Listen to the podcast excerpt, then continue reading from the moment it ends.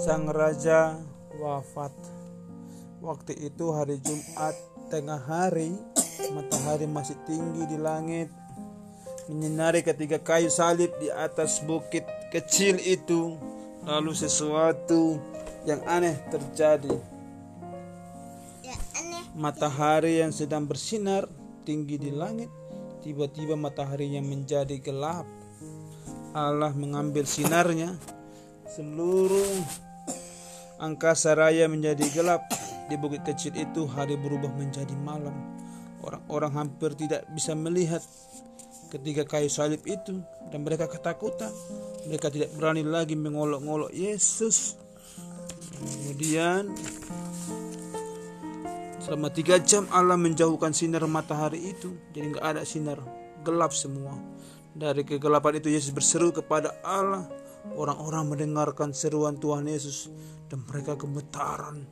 Lalu akhirnya sinar matahari kembali lagi dan Yesus berkata, "Sudah selesai. Sudah selesai. Pekerjaannya telah selesai. Ia telah menebus dosa-dosa kita, dosa-dosa manusia." Lalu Yesus wafat, ia menyerahkan nyawanya kepada Allah. Seorang serdadu menusuk tombaknya ke lambungnya. Yesus darahnya keluar, kemudian darah dan air keluar dari perut Tuhan Yesus, dari lambung Tuhan Yesus. Tapi pada waktu Yesus wafat, Allah mengguncang kota Yerusalem, gempa terjadi. Dan dia mengguncang bukit kecil tempat ketika kayu salib itu berdiri. Orang-orang merasakan tanah itu bergoyang-goyang di bawah kaki mereka. Mereka melihat bebatuan berguling-guling dari bukit dan mereka ketakutan. Mereka pulang lekas-lekas ke rumahnya. Kata mereka, wah wah wah, orang macam apa Yesus ini? Komandan pasukan bersaudara berkata, sesungguhnya orang inilah anak Allah.